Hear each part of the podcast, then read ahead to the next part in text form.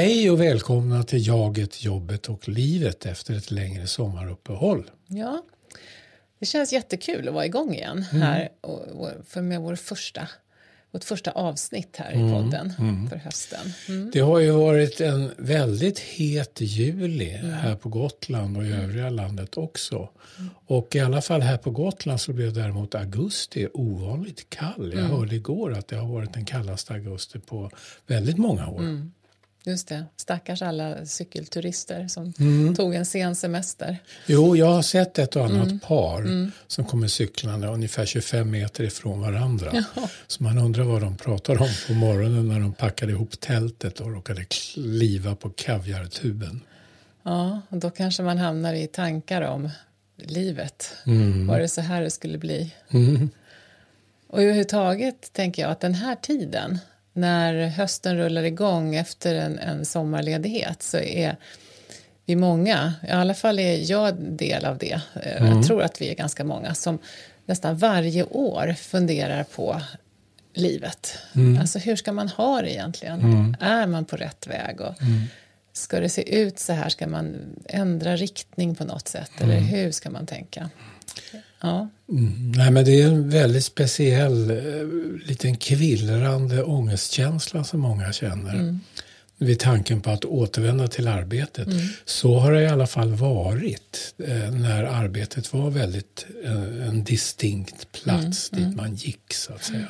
Nu är det ju som vi alla vet lite annorlunda för många, på många arbetsplatser och för många ja människor. och samtidigt så tänker jag, eller jag tycker att jag hör det bland folk man pratar med, att just de här eh, nya föränderliga omständigheterna kring pandemin gör att man har börjat fundera ännu mer kanske på hur man vill ha det i livet. Hur, hur får man ihop vardagen? Och eh, de som har haft möjlighet att jobba hemma, är det så man vill ha det istället? Eller, eller har man jättebråttom tillbaka till jobbet? Och, och sen andra som kanske känner sig slutkörda efter att ha varit på jobbet, kanske i sjukvården eller inom transport eller Just. restaurang nu under sommaren så kan man ju fundera på, jaha, var det så här det skulle bli? Eller vad, vill jag någonting annat egentligen? Viktiga frågor. Och eh, vad är då bättre än att ha en gäst som har funderat väldigt mycket och levt sig igenom många av de här viktiga existentiella frågorna. Eh, nämligen Patricia Tudor Sandahl som är psykolog, psykoterapeut, författare till ett stort antal böcker och säkert välkänd för många utav eh, våra lyssnare. Många kanske har hört henne på eh, P1 i Tankar för dagen. Just och har det. man inte hört det så kan man verkligen rekommendera de små betraktelserna. Ja, så att det är väl egentligen bara att eh, se till att hon finns på plats. Ja. Och sen kör vi igång. Precis. Ja, och nu finns Patricia Tudor Sandahl på telefon och besöker oss här på våran podcast. Ja, Hej och välkommen. men hej och tack så mycket. Det känns väldigt roligt ska jag säga att ni har bett mig att, att samtala med er. Ja, och vi är superglada att du ville, Ja. verkligen. Och vi ser vad vi gör av det här Ja. Ja, precis. Det blir en, en, en väldigt bra start på hösten tror jag i alla fall. Ja. Mm. Mm. Nu har ju Palle presenterat dig lite mer formellt innan du kom in här. Eh, och frågan är, finns det, då har vi sagt någonting om vad, vad du har pysslat med i, i ditt yrkesliv och, och så. Men vi är lite nyfikna på också, vad, vad är du upptagen av just nu? Ja, alltså eh, jag är väldigt mycket upptagen av alltså hur är det att vara 80 plus? Mm. Eh, jag, jag är 81 och, eh, och eh, i mitt inre är jag kanske 41. Mm. Eh, vilket jag tror är en väldigt vanlig upplevelse för människor. Men, men alltså på, på allvar, alltså att, att mitt liv ändå går in i, i den sista tiden. Eh, och eh, de här frågorna som finns hos oss alla hela tiden förstås. Vad är, vad är, vad behöver jag? och vad kan jag lika väl vara utan till exempel? Vad, vad är verkligen väsentligt för mig? Och de frågorna har fått en väldigt, väldigt eh, stor plats i mitt liv, måste mm. jag säga just nu. Um, man blir väldigt, väldigt medveten om, eller jag är väldigt medveten om att jag lever på en sluttande plan och att um, tiden är begränsad och det gör någonting mm. med hur man ser på livet mm. alltså. Mm. Så det, det upptar mina mm. tankar och känslor väldigt mycket. Mm. Vi har ju bjudit hit dig för att vi ville prata om livet. Så mm. det är, är, ju verkligen precis det du sätter fingret på här. Ja. Mm. ja. ja jag, jag ser, jag kommer att tänka på det eh, att titeln på den här podcasten är ju Jaget, jobbet och livet. Mm. Och ja. arbetslivet är ju så centralt under många, många år så att när man pratar om livet så är det som att man pratar sen om tillvaron i övrigt. Liksom. Ja, precis. Men vad du beskriver mm. är ju någon slags process där livet självt bara liksom tränger undan allting annat mm. och stä ställer den inför de, de riktigt allvarliga och viktigaste mm. frågorna. Mm. Och så tror jag att det är förstås. Och jag, jag, tänker på hur mycket under mitt arbetsliv, hur, ja, hur inriktad jag har varit eh, på att, att göra saker bra, att, att, det, skulle, att det skulle fungera och, och allt det där med görandet. Mm. Men det var någon som sa till mig, jag kommer inte ihåg men för inte så länge sedan att, att konsten nu det är på något sätt att vila i begränsningen. Att inse sina begränsningar och att dessa kommer att bli större hela tiden och det mm. blir de i kroppen och på många andra sätt. Men att hitta en sorts vila i det, så här, så här är det. En sorts, uh, jag vill inte säga avrundning för jag håller inte på att dö så vitt jag vet precis nu. Men, men det, jo men Nej men, jo men det är en förberedelse, va? Mm. det är det. Um, uh, man uh, kallar hem sina trupper och uh, kanske frågar sig själv vad av allt det här som jag har varit med om och bidragit till, vad, som, vad har burit frukt? Mm. Uh, vad har varit väsentligt? Och först nu kan man verkligen se det och jag gillar den här bilden av att jag har varit en som har jämt varit på gång, på väg ut liksom, mm. utforska. Uh, men kalla hem de där trupperna nu. Mm. Fundera och, och mm. den, det, det, tycker jag är någonting som är ja, väldigt väsentligt och på något sätt också ganska ja, jag vill inte säga trevligt, det låter korkat men, men det känns helt följdriktigt mm. Mm. Eh, då att göra det. Mm. Um, ja. Mm. Och då tänker jag att en del av de här trupperna då, eh, som ja. har funnits med i, i ditt arbetsliv, det, det, är ju det område där, där vi fick kontakt för första gången för, för många år sedan nu. Och, och det var ja. ju i, inom Sandahl Partners som du är en av grundarna av tillsammans ja, med Christer Sandahl. Och, eh, ja, men då, och jag tänker så här, varför började varför lockades jag av Sandahl Partners och började? Men det var ju för att jag mm. uppfattade att ni hade en en idé som handlade om att det var viktigt att göra psykologisk kunskap tillgänglig för människor. Att det, ja. ja. Och, och det känner jag, så blev det för mig. Eh, det var det jag tilltalades av. Och då blir jag ju nyfiken på när du nu kallar hem trupperna och tänker, tittar i backspegeln sådär. Ja, ja, vad, hur ser du på, på det, att ni startade och vad är det för dig idag? Ja, det är fortfarande en av de absolut största sakerna som jag har varit med om i alla fall i mitt liv. Och eh, vi brann för någonting. Um, och vi skapade tillsammans med andra förstås, men det var ändå Christer och jag från början och vi visste, vi visste vad vi vill och det är inte alltid att man gör det förstås, mm. men vi visste vad som drev oss och det som drev oss var, ja, om jag tar det kort, jag kommer inte ihåg, visst var det jag tror det var 1985 mm. som mm. Det, det hela startades. Kanske några år innan eh, med mig och Christer i diskussion. Men eh, det där med alltså det där med, vi kom ifrån klinisk, det kliniskt psykologiska området. Alltså Christer var på Karolinska och, och jag var på universitetet. Vi kom från lite olika områden men vi hade en del klinisk erfarenhet och vi tyckte att det som kallades för arbetspsykologi vid den tiden. Vi upplevde det som, ja det var dessutom få tillbakagång, men mm. vi upplevde det som väldigt ytligt, som man använde ytliga kriterier så vi brann för att försöka så att säga ta med en djupare syn, syn på människan.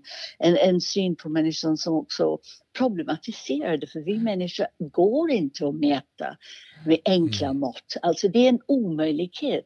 Och Eh, ändå lurar vi oss. Jag tror det är så idag. Jag kan inte så mycket om läget idag. Men, men man missar liksom den här komplexiteten. Mm. Det som är människans väsen, det paradoxala. Och vi brann för det och vi tyckte att vi ville hjälpa till på något sätt mm. att, att införa de här tankarna uh, in i arbetslivet. Mm. Och vi, alltså, jag ska inte dra en lång historia men vi började inom urval eftersom det var det som fanns då. Mm. Men eh, ganska snart så började man liksom, eller började vi förstå att det här det kunde breddas på så många olika sätt. Och vi landade efter ett antal år med bland annat med, vi landade i betydelsen av, hur ska jag säga på ett enkelt sätt, le, ledarens betydelse. Mm. Chefen som person om man vill. Alltså um, att, att det var så otroligt viktigt också med det personliga mötet och mm. alla de aspekterna. Och vi, vi, vi, vi fick personliga möten med våra uppdragsgivare och så började de då be oss om lite olika saker så då vidgade vi hela området. Men hela tiden kretsade det kring den här att människan, att, att se människan mer på djupet. Och eh, ja, det var så det, mm. så, ja, det det var det som drev oss. Mm. Och sen för mig alltså väldigt mycket och det har drivit mig mycket i mitt arbete, mitt skrivande arbete för att jag ändå har skrivit väldigt mycket, många böcker och liknande under åren och det var någon av våra tidiga handledare som sa någonting till mig. Du har säkert hört mig säga det någon gång. Just vid Sandal Partner skulle jag tro. Jag säger det på engelska då. Han sa det på engelska. If something is worth saying it's worth saying simply. Mm.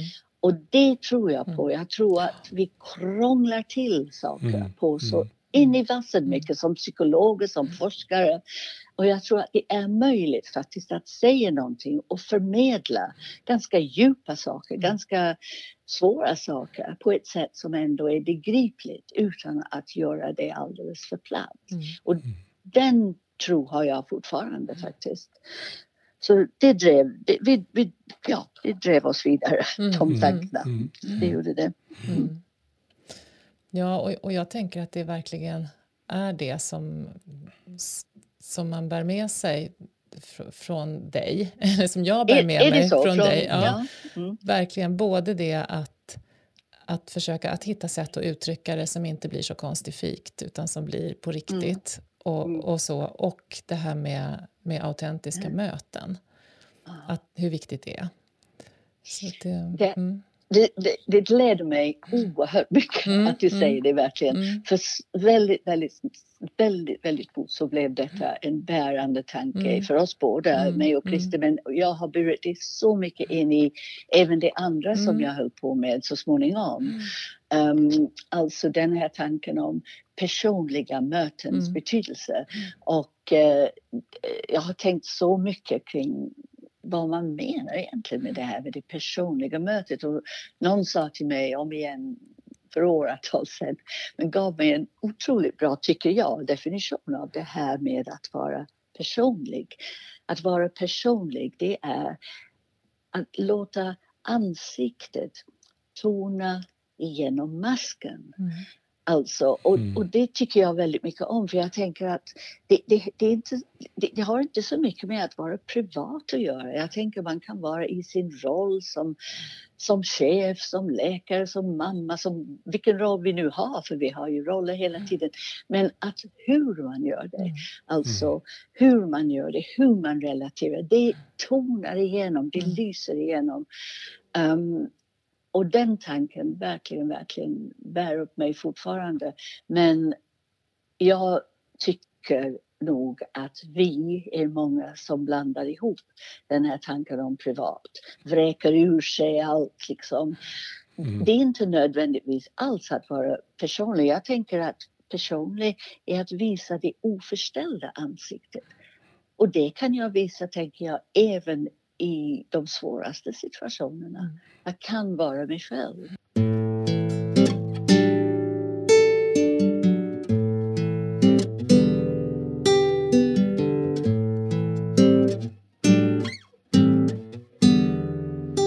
Nej, men jag tänker också just på det här med dels människans komplexitet ja. och sedan just den här fantastiska eh, sentensen kring den här människan bakom masken. Mm. Ja. Och, och, just att, att eh, in, inom alla sociala sammanhang och så där är det ju samtidigt viktigt att eh, det privata kan ju vara att man liksom på ett sätt lägger ut det som är autentiskt i en själv. Men man lägger ja. ut alltihop alldeles för tidigt på en gång. Ja, och kanske mm. utan urskiljning och hur mm. viktigt det är yeah. ändå för yeah. oss att på något sätt följa med det här sociala att jag ger ett litet förtroende, då får jag ett lagom litet förtroende tillbaka. Och sen tillbaka, går det djupare och djupare. Och det är ju, mm. gäller ju för alla djupare mm. i alla fall, både mm. yrkesrelationer och vänskap och mm. kärlek. Att, mm. att vi, vi, vi, behöver ta det lite pö om pö, för vi har ja. ju oändliga djup inom oss. Ja, precis. Att, jo, men att man mm. är alert man är alert på en, kan man säga så på svenska, på en invit. Liksom. Man, mm. man är känslig för, mm. för nästa nivå. Mm. mm. För jag, jag, tänker den stora skillnaden som jag upplever i alla fall mellan att vara närgången mm. och att vara intim. Mm. Och jag, jag tänker att intimitet, jag tror att det ordet från början betyder att ge sig till känna, mm. tror jag. Mm. Uh, och att det är ett ord med, med, många bottnar. Alltså, och det du sa, ta det pö om pö, ja absolut. Men då måste man vara förstås öppen för att vara i takt, i samklang mm, mm, snarare. Mm. Inte i takt, i samklang mm. med den andra. Mm. Och, och, det tror jag är en, en konst eh, som är väldigt väldigt viktigt att försöka öva sig i och lära ut mm. också mm. i utbildningar. Eh, professionella utbildningar mm. till exempel. Mm. Eh, det är så långt ifrån, jag vet inte ens vad de heter idag, men sådana där formulär ja. när man liksom mm. prickar av och drar sig. Stopp, säger jag. Mm. Utan stilla dig. Och det tror jag är en viktig bit i det hela också, att lära sig att kanske inte backa mig, bara stopp. Stilla dig. Gå inåt en stund. Man är för snabb fram mm. Mm. i så många situationer, som jag ser det i alla fall. Mm. Nej, och jag tänker på det här, du säger att, att låta mm. ansiktet liksom träda fram genom, mm. eller lysa fram eller mm. så, genom mm. masken. Att det är också, vi brukar ju prata om det här ibland att man är, man är person i sin roll. Man är inte ja, bara precis. en roll, men, utan man är, ja. och inte bara person, man är person ja, i sin precis, roll. Det är något ja. liknande, fast inte lika ja. poetiskt uttryckt. Nej, men det är väldigt liknande. Mm. Jag har följt mm. era tankar väldigt mycket när det gäller det här. Jag är mm. 100 procent mm. med faktiskt. Det är mm. precis detta. Mm. För det blir så lätt att man tar den ena eller den andra. Nej, det är tillsammans. Det är tillsammans alltså en helhet, en integration. Men det kanske är det som är det kanske är det som mognad handlar om. För man mognar in i sin roll, mm. man mognar in i sitt liv mm. eh, och så vidare. Och eftersom jag gillar ord så säger jag någonting om ordet moga. Mognad, det, det mm. betyder helt enkelt att bli färdig att tas i bruk. Mm. Mm. mm. Och, och, jag tänker att det kanske är det som, ja, utbildningar kanske bara som ett exempel, livet överlag, men att, att man gradvis blir färdig att tas i bruk. Mm. Sen tänker jag ur ett helt annat perspektiv, ur min höga ålder. Jag tänker att många människor blir först färdiga att tas i bruk när ingen vill ta dem i bruk. Mm. För då är arbetslivet mm. förbi. Mm. Jag, tänker, jag tänker vilken slöseri alltså mm. med de resurser som finns hos, inte alla, men många människor som är upp i åren mm. och har mognat med stort mm. M mm. och är just färdiga att bli använda mm. som de hela människor som de är eller de mer integrerade människorna men det är vi inte så intresserade av. Och det tycker jag är så tråkigt. Mm.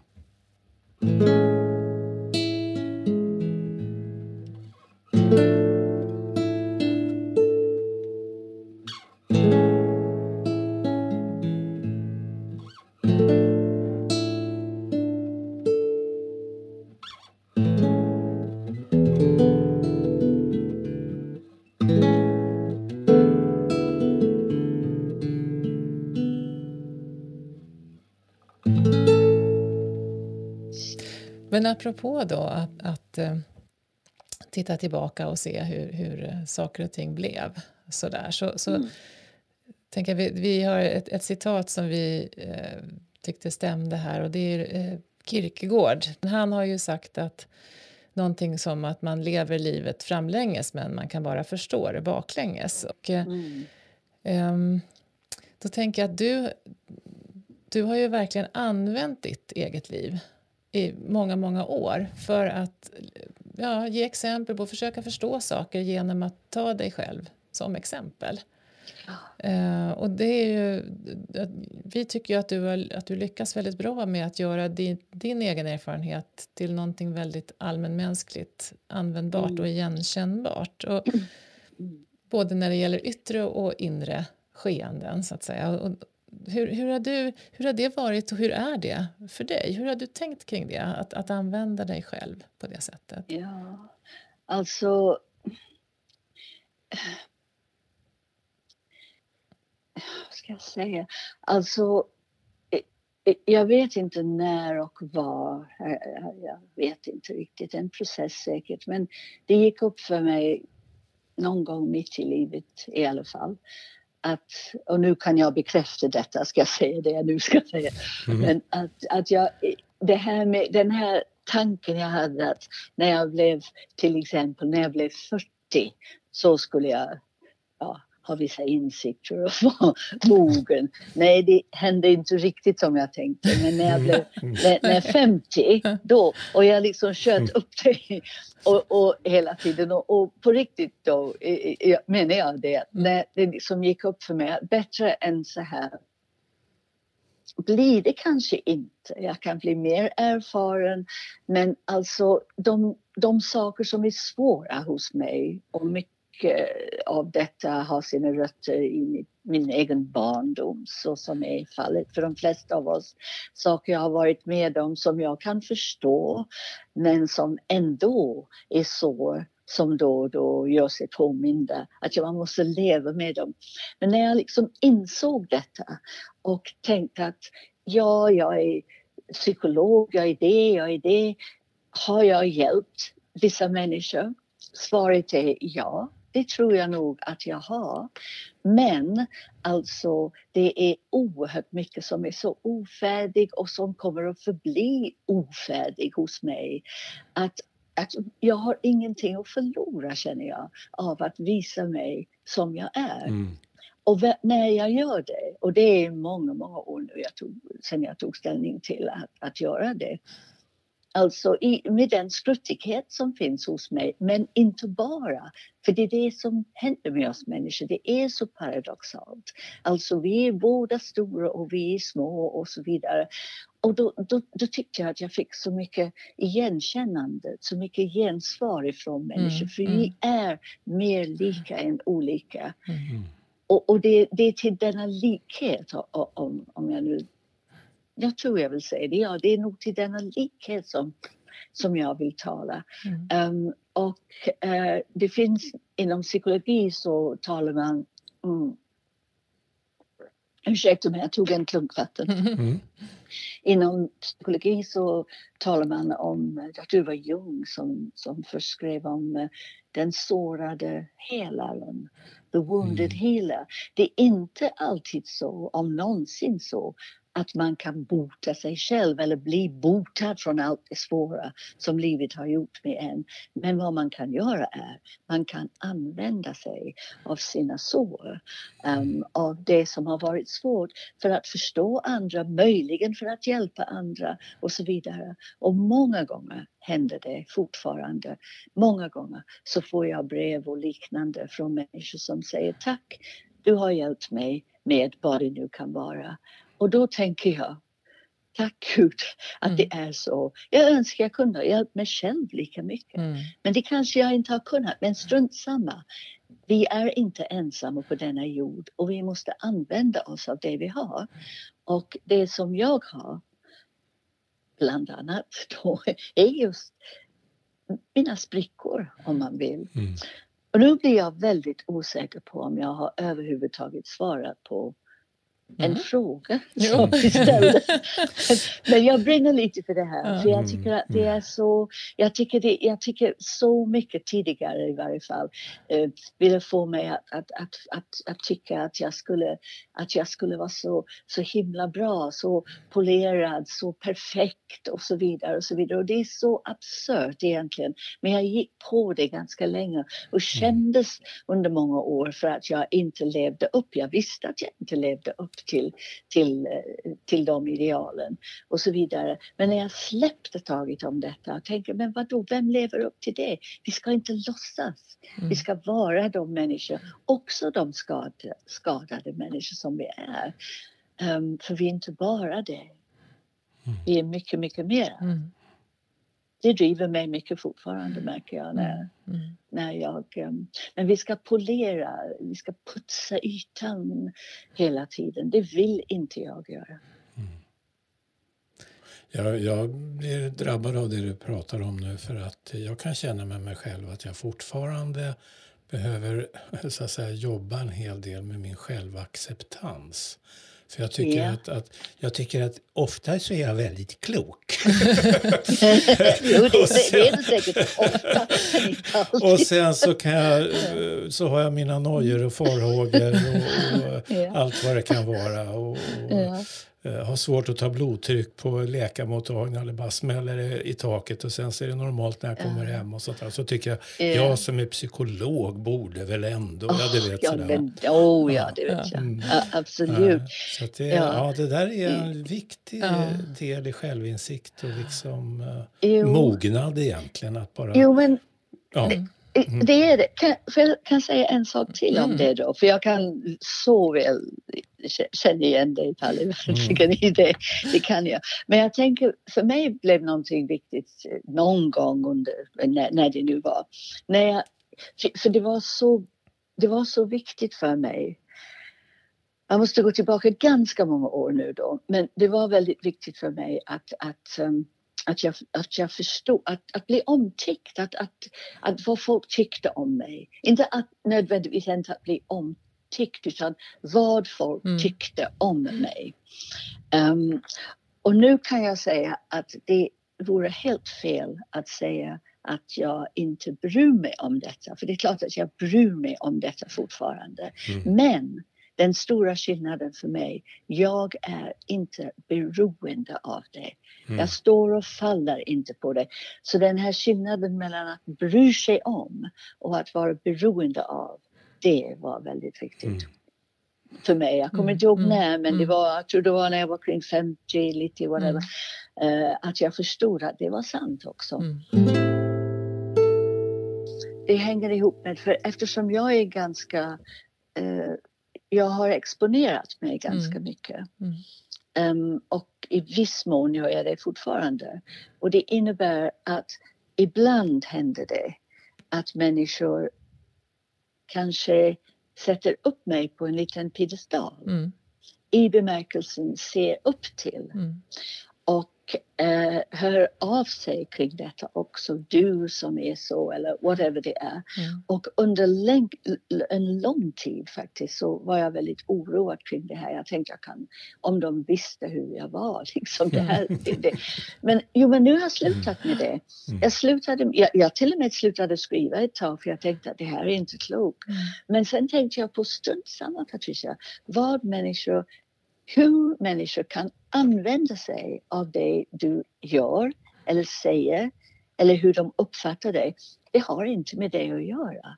Det har med dem att göra. Och om en människa kan ta någonting från någon, i det här fallet mig, och använda det som en del av sin egen växt, det är bara bra. Mm. Det som jag kan ta hand om är att se till så gott jag kan att det jag gör är så äkta. mm. som möjligt. Så icke låtsas som möjligt, det kan jag ta hand om hela tiden. Det autentiska.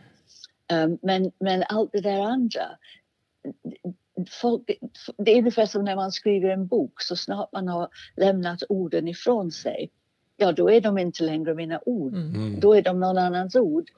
Och uh, det betyder att om inte allting som finns, om jag inte säger allt. I det jag skriver till exempel, det betyder inte att det är falskt. Mm. Det betyder bara att det inte är hela sanningen. Mm. Och det är en himla stor skillnad mm, tycker jag. Att komma ihåg det, men att ta hand om sin egen, kan man säga det, autenticitet, mm, en sån här mm. tyst ord. Men eh, det, det, tycker jag är, är, en uppgift för oss alla hela tiden. Mm, mm. och sen också... lita på Oh, mm. Mm. Ja. Nej, men jag, jag, tänker på, apropå det där med, med vad andra gör av det du har sagt och mm. vad som händer. Och så. Ja. Det, det var faktiskt Palle visade mig ett klipp häromdagen med Paul McCartney mm. i en mm. intervju. Eh, där, där han som intervjuade, jag kommer inte ihåg vem det var. Stephen Colbert. Eh, Stephen Colbert. Ja, ja. ja, ja. Han intervjuade honom och så berättade han om någon låt som hade betytt så oerhört mycket för honom. Det var mm. det här Wings, Band on the Run. Var det. Mm. Och det, det mm. hade kommit till honom i en tid i livet när han, strax innan han förlorade en massa eh, familjemedlemmar. Och en lång mm. historia kring det där. Och så, så sa han att han förstod ju att det var ju inte Paul McCartneys mening när han skrev den där låten att den skulle betyda så mycket. Och, och hur blev det för honom att andra människor kan ha en sån enorm känsla för en mm. låt som inte alls betydde det för Paul McCartney. Mm. Och, mm. och, han sa något klokt om det också, lite likt som dig. Att, att eh, mm. det, det är ju härligt att det kan betyda någonting för andra ja. människor men han, han kan ju mm. liksom inte det är så det är. Det lever, lever sitt mm. eget liv. När han har skrivit ja. en, en melodi och en låt så är det, mm. den lever sitt eget liv. Jag, ja, jag det låter det... jättefint. Jag, jag förstår mycket mm. väl detta. Mm. Och, och, på något sätt är en inbyggd att, att man, litar, man litar på det, om det man gör är på riktigt mm. så då litar på att den mm. hittar sina vägar. Jag vet att ibland jag, jag, vet att ibland det händer med till exempel efter ett föredrag mm. som jag kanske inte har tyckt var något särskilt mm. eller mm. whatever. Men att någon kommer fram till mig, det hände alldeles nyligen mm. och säger någonting sånt att åh det här är exakt Mm. Ja, du vet, och det, mm. var, det träffade precis. Och då tänker jag på, det räcker. Mm. Om en människa mm. har gått ifrån, en av sig hundra, mm. med, då, då är det därför jag är där. Mm. Men jag tror att en del av det också är att man inte ska överskatta sin egen betydelse. Mm. Man gör vad man kan, man försöker göra det så på riktigt som man kan. Men jag har någon syn på livet numera att vi är alla kanaler, liksom. vi är användare av ja, livet om man vill. Mm. Att, alltså det, det, det, är inte så enkelt som att säga Ja, att, var, att åh vad duktig hon är. Eller, ja, ja visst kanske mm. det, men det kanske är någonting mycket, mycket större mm. än så. Eller mycket mm. bredare, mm. inte större. Alltså vi är invävda mm. i varandra. Vi ger varandra och vi tar varandra utan att vi kan ens ana egentligen hur vi är. Så det är min syn på livet idag, eller en del av det. Um, men det innebär att uh, man kan inte gå hem och putsa sina medaljer med sån förtjusning som man gjort tidigare. Nej, det, det är baksidan det, det då förstås. Inte. Det är baksidan, ja. Mm. Det är det faktiskt. Ja, det är fascinerande det här, för jag vet Anna-Lena och vi har en pågående diskussion hela tiden som delvis är knuten till den här podcasten om att vad är självkännedom? Vad är personlig mognad och så vidare och hur det kan ja. skifta mellan mm. kulturer och så vidare. Ja. Och, och mycket av det vi har samtalat, ja alltihopa kan mm. ju inrymmas mm. under den rubriken så att mm. säga. Eh, mm. Och vad som slår mig är ett annat citat och jag tror att det är eh, Jean-Paul Sartre, existentialisten, som har sagt att, mm. att mogna som människa är att ta ansvar för den person som andra har gjort den till. Alltså ah, hur barndomen har mm, format just det. den. Oh, vad bra. Och sen, sen får man mm, stå mm, med det där korset, mm. så att säga. Jo, ja, men det är och det här bra. får jag lov att bära. Va? Och, så, och så göra oh. det bästa. Det, det tycker jag, jag är underbart. Mm, mm. Förlåt, ja, jag jo, avbröt med reservation för om det var han. Det kan ha varit Ja. Kierkegaard också. Ja, det, Men- det, ja, ja, Mm. vi får hoppas att det var Sartre. För det låter som en, för, jo, men det låter som en liten fördjupning Mm. hos Ja, ja, Sartre, ja, tycker ja, jag. ja, Men ja. eh, för, jag, för jag, jag ville kontra med ett citat som jag inte Mm. vet var jag fick det ifrån. Mm, Men när jag hörde det så sa det mig väldigt mycket. mm. Och det är på engelska då Freedom is what you do with what has been done to you. Ja, ja. Mm.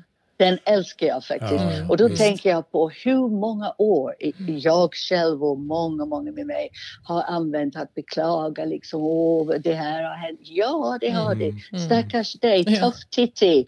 Alltså, du drog en dålig låt. Ja. Mm. Men, och, Mm. och Mm. det är det här och Mm, som mm, mm, leder mm. vidare. Jag kan låta hård nu, men jag Mm, tycker att mm. jag önskar jag hade... Tyvärr så eh, förstod jag vidden och djupet av det här när jag redan hade stängt min egen mottagning, Mm, ska jag mm, säga. Ja, ja, Jag tror det hade påverkat mig mer faktiskt, i- Mm, kanske. ja.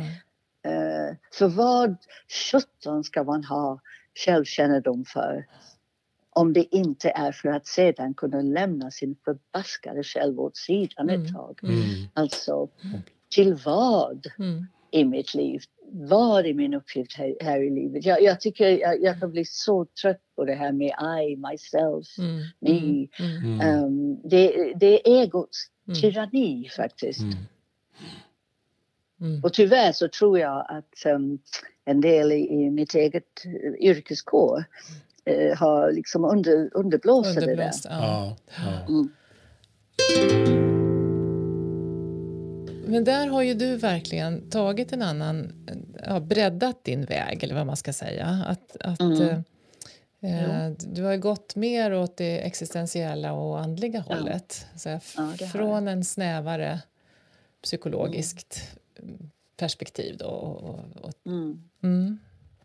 och hur, hur, alltså hur, hur gick det till?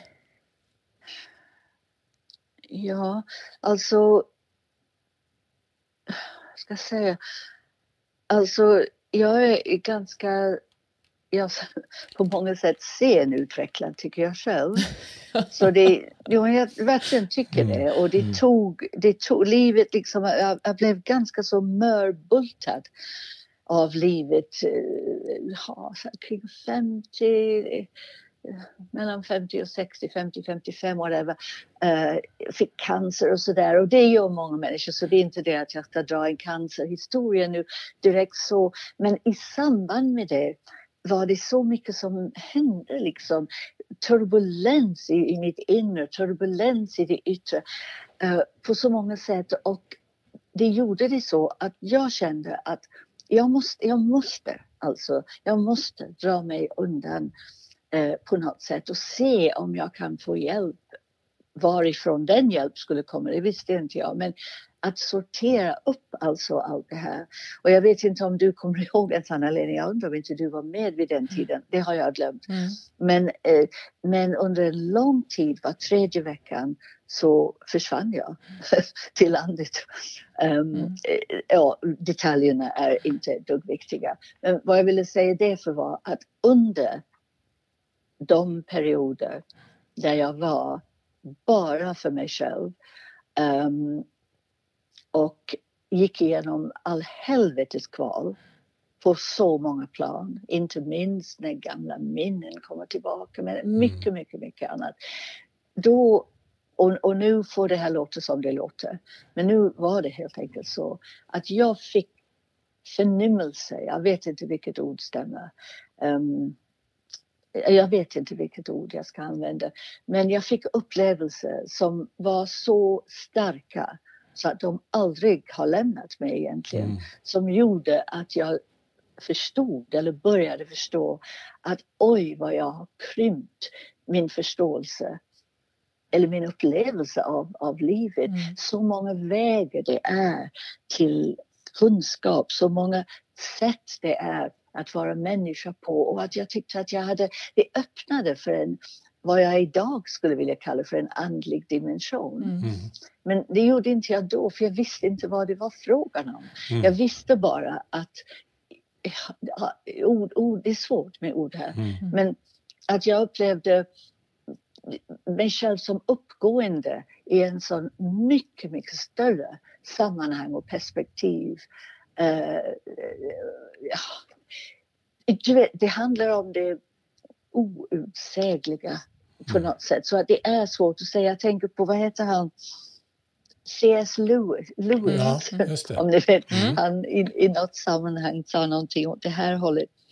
När han fick frågor då kring, kring hans tro och kring ungefär som vi börjar snudda vid. Mm. Jag, ungefär så här sa han, jag, jag slutar ögon för det för mig längre än mina sinnen och jag stänger munnen för det rör sig om det outsägliga. Mm. Och jag måste stå för det och säga att väldigt, väldigt mycket i, i det som jag snudde vid nu tillhör på ett sätt det outsägliga. Jag är till och med rädd för att krafsa för mycket i det. Mm. Men vad jag kan säga är att de upplevelser bar mig och har burit mig i 25 år. Mm. Uh, så att jag är inte beredd att säga åh vilken konstig liten psykotisk genombrott hon fick eller whatever. Jag, jag, jag, går inte med på det helt enkelt. För det öppnade en annan dimension och det har påverkat mitt mm. sätt att se på saker. Mm. Är det där också under den brytningsperioden om man ska säga, som, som det blev ännu mer tydligt för dig att psykologin liksom som disciplin och förståelsemodell och allt vad det är, den var liksom som en för trång kostym. Den, den ja. väldigt användbar i vissa sammanhang men när ja. det kommer till de riktigt stora livsfrågorna och där, ja. då är det som att den, den, den funkar inte längre man ska säga. Så, så var det för mig. Ja, det kan jag säga. Uh, i alla fall, ja. Jag, jag började, ja, det var så. För att vad som hände rent konkret för mig var att efter den här tiden som jag nu nämnde, det var några år då jag drog mig undan med jämna mellanrum, så började jag eh, jag, jag, hade bara läst om det jag nu ska säga. Jag visste inte alls hur det gick till. Jag hade ingen aning. Men jag hade läst om det och jag kände en stor dragning till tystnad. Mm. Och alltså tysta retreater. Mm.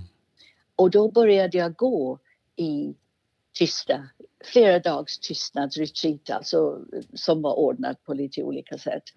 Och så småningom, i tio år blev jag, under tio år så blev jag så småningom en retreatledare själv. Mm. Jag började inse vilket, att, det, att jag hade, eller vänta, jag hoppas jag inte krånglar till det nu så mycket, jag säger det ändå. Mm. Alltså jag hade känt sånt otroligt behov av time-out. Och det var det jag tog de här var tredje veckan. Jag, jag, fick möjlighet att göra det.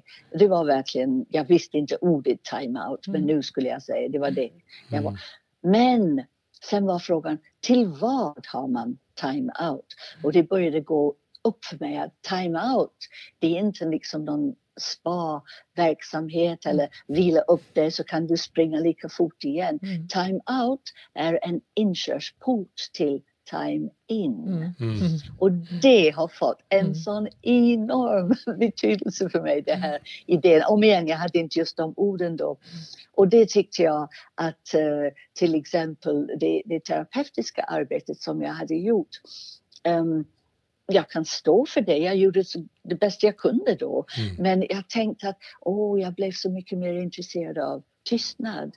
Mm. Tystnadens verkan. Och eh, ja, alltså att det är det som är something more, det som mm. är lite utöver bara jag och den andra. Och, och det, att vi är inbegripna i någonting större.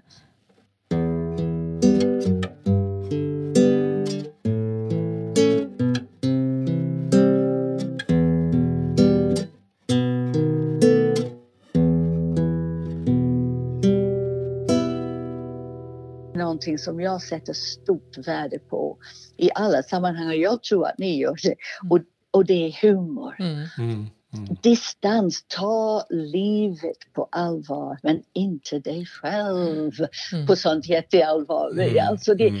jag, jag, tror att det är en väldigt nödvändigt eh, om man ska ingjuta mod i varandra, modet att att leva och man ska inspirera andra och man ska se andra. Alltså lite humor, lite distans och kanske eh, en, en övertygelse om att vi människor är trots allt burna. Att det är en kraft som bär oss ändå. Mm. Människor har ju alltid försökt förmedla de här djupare yeah. upplevelserna Absolut. på alla, alla tillåtna medel mm. och även otillåtna ja. på något vis. Att, att, mm. Eh, så det, mm. det, det, det, går ju mm. och, man pratar ibland om visa män och kvinnor som att de inte är månen, de är fingret som pekar mot månen. Så att säga. Så man får ja, inte bli, fint. Ja, apropå idolskap och sådär, man får inte liksom ja, bli fixerad vid den som som pekar Nej. eller stirrar på mm. pekfingret mm. utan man ska försöka mm. följa vartåt det pekar. Och, mm. Ja, nej men det var... Mm. Det, det, det är en fin bild. Mm. Verkligen. Det, det är nog... På, något sätt är det min egen bild av, av, av religion egentligen. Mm. mm. Och andliga traditioner. Alltså... Eh, eh, alltså Christer och jag, min man, alltså jag var mm. i Japan för ja, ett antal år sedan. Och vi var vid Fujiyami, alltså den där stora berg. Mm. Och, när, och man såg liksom, det var väldigt många olika stigar från all, alla möjliga håll som tog sig upp på den här enorma berget. Och, och då sa vi efter, det, det var verkligen en, en vi tyckte det var en fantastisk bild av just det som vi talar om nu. Alla mm. stigar som går på olika håll på olika sätt men alla går åt samma håll. Mm. Alla är riktade mot. Och sen famlar vi som bara den och försöker hitta ord och så vidare eh, för, för, för att tala om det vi har inte en aning om. För börjar vi använda ord så omedelbart begränsar vi mm. samtidigt. Om vi försöker sätta det i en en någon sorts kostym. Jag mm. kan säga att jag är faktiskt idag praktiserande kristen.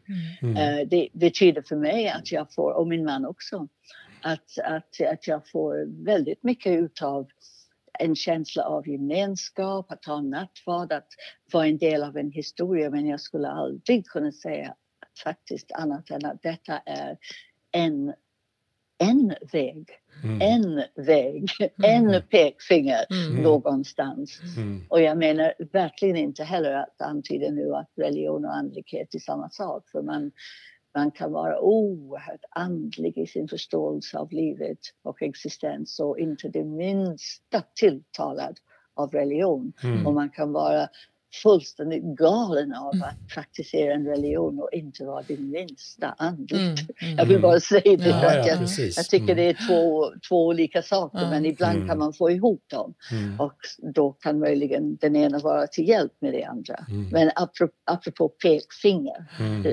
fingrarna var bra. Nej, och jag tänker att man hittar den, den tillhörigheten som, som ger en själv någonting. Alltså ja. som du beskriver då. Att det, det ja. är, och det behöver inte vara samma för alla. Men mm. det är någon, Absolut inte. Men nej. det är någonting med den där mm. känslan av att hitta hem någonstans. Att det, ja. Mm.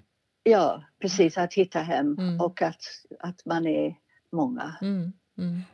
För att det är väldigt många dagar när jag inte orkar vara det minsta himla andlig eller religiös mm. eller mm. klok mm. eller någonting. Och då är det ganska skönt. Ja, men då är det väldigt skönt att veta att någonstans i världen finns det ändå de som, okej, okay, de får bära mig idag. Mm. Mm. Uh, jag, jag, tycker faktiskt det, att det är skönt att ingå, att inte göra det bara, bara till en privat angelägenhet, mm. utan vi är ändå många som har valt och det, och det är väl, ja, men jag tänker igen på det vi pratade om förut apropå din, din förmåga att använda dina egna vardagshändelser till, till mm. allmängiltiga mänskliga skeenden. Mm. Så att, att det där med vår ensamhet, alltså det, det är mm. ju en sån befrielse kan jag ju känna när man hör någon berätta om något som man kan känna igen. Mm. Och någon annan ja. liksom jag tänker det är släkt ja. med det här. Nå någon annan är mm. också på samma bana. Man är inte alltid liksom i frontlinjen mm. eller inte alltid i form. Ja, eller inte alltid, ja. och, och att ja. se att, att andra är också där och ibland så, så bär man varann på något vis. Eller man känner igen någonting som gör att den här ensamheten blir lite mindre. Mm. Det, så, så tänker jag, mm, mm Anna-Lena. Mm. Absolut, det gör jag. Mm.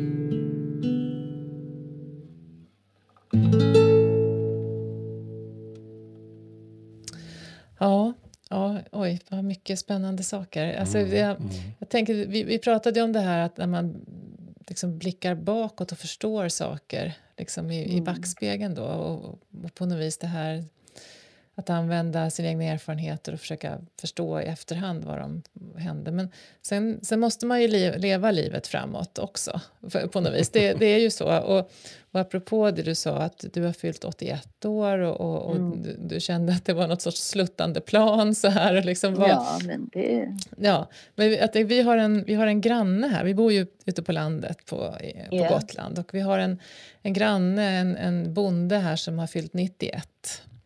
Och Mhm. eh, jag hörde häromdagen här att han, han har berättat för sin son här att han har just gjort en ny investering. Han har köpt en, en, ny maskin som barkar av störar som han sen Aha. gör gör Mm. staket, alltså det som heter bandtun här på Gotland och gärdsgårdar. Mm. För att man måste ju tänka på framtiden. Så. det tycker jag.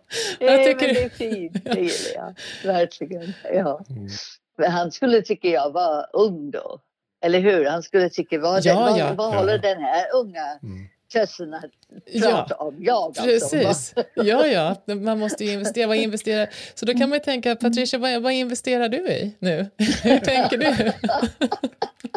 Det är ganska roligt faktiskt att du säger det om, eh, om er granne.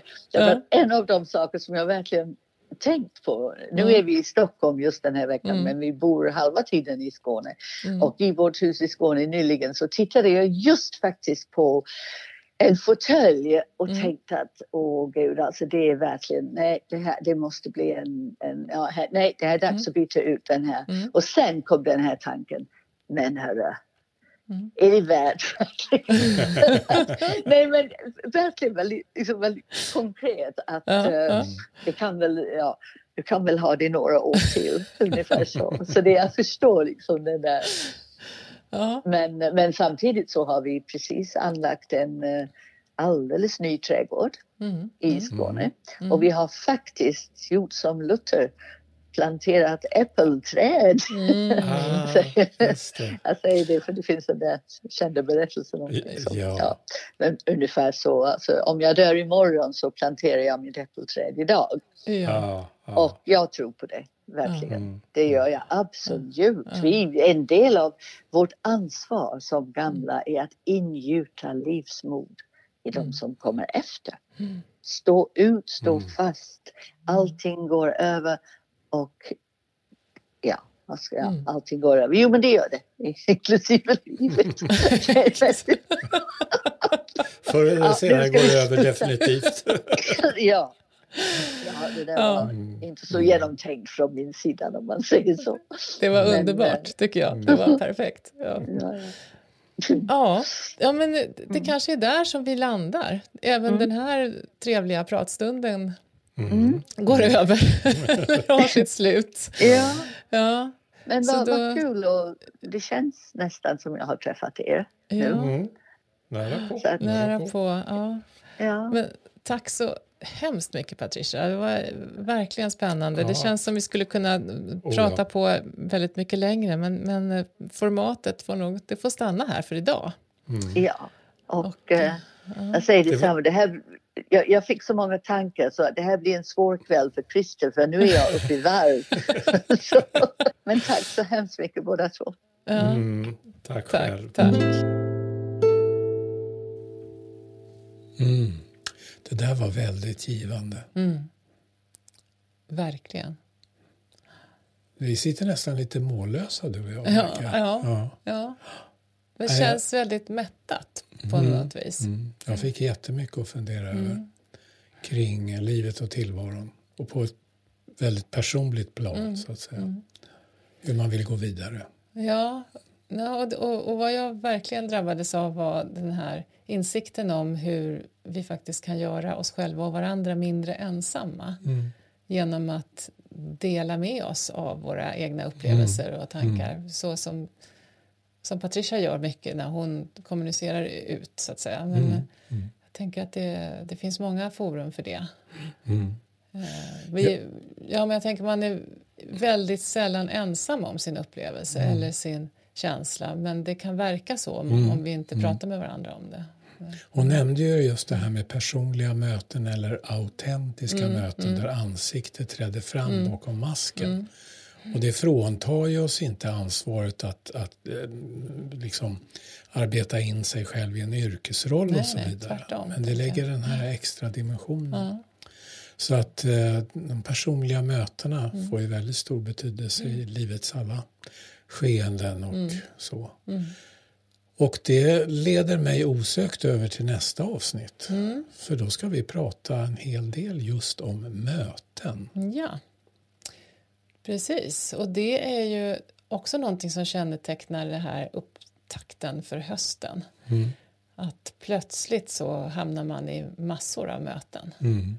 Man ska uppdateras. Ja, och planera mm. och kick-offa mm. och allt vad det nu är. Och informationer om saker som kanske hänt när många har varit på semester. Ja. Och är de möten vi har de vi borde ha fortfarande eller har de förverkat sitt syfte? Eller, mm. Och hur får man det att funka så att man inte bara blir dränerad? Mm. Sånt. Sånt tänkte vi utforska nästa gång. Ja, så att eh, det siktar vi in oss på. Absolut. Och det som kommer att vara lite speciellt nu den här hösten det är att det kommer att dröja tre veckor tills vi hörs igen här i podden. Just det, men varför det? Jo, det, efter corona här så har, har saker och ting nu plötsligt dragit igång med en väldig fart. Mm. Ehm, och eh, det kommer att bli en så pass intensiv höst för oss märkte vi. Att mm. eh, vi får lov att revidera vår plan här och vara lite realistiska kring vad vi hinner med. Ja. Helt enkelt. Mm. Så, på återhörande. Tack mm. för idag. Tack för idag. Mm. Hej då.